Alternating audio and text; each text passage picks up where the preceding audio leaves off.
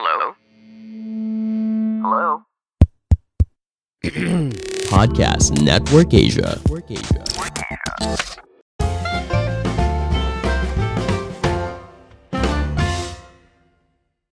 Halo semuanya, kembali lagi bersama saya Madianto. Kali ini kita akan membahas tentang cara mengatur keuangan rumah tangga agar tidak boros.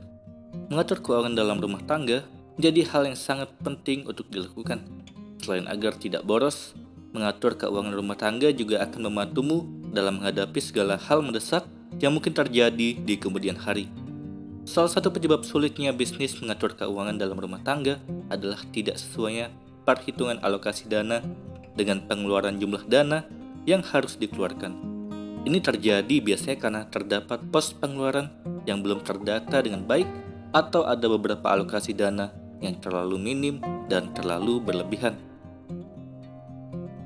Bagi kamu yang masih bingung atau bahkan belum mengetahui cara mengatur keuangan rumah tangga agar tidak boros, simak pembahasan berikut ini dan tipsnya oleh ibu rumah tangga. Yang pertama, buat daftar pos pengeluaran secara terperinci.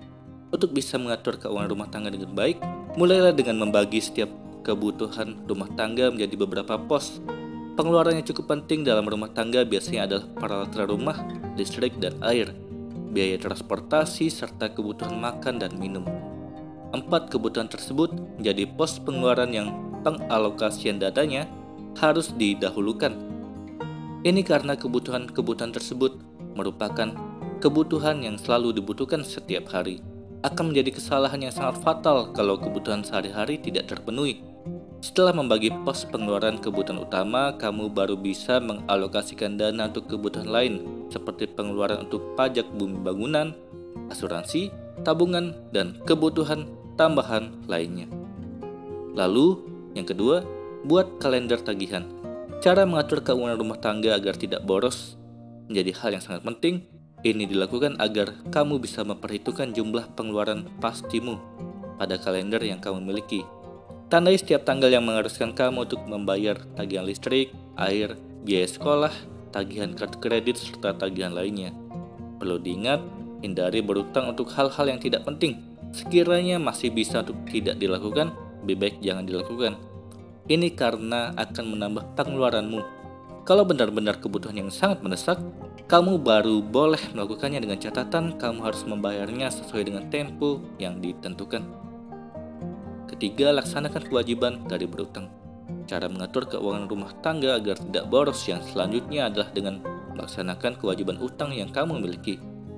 Membayar utang menjadi kewajiban yang sangat penting untuk kamu lakukan. Biasakan untuk disiplin dalam membayarnya, agar kamu tidak memiliki tunggakan atau bunga yang lebih besar. Keempat, membuat target dalam menabung. Salah satu kunci sukses berbisnis dalam mengatur keuangan rumah tangga adalah kemampuan menabung. Agar bisa melakukannya, kamu harus menyisikan, bukan menyisakan uang setiap bulannya.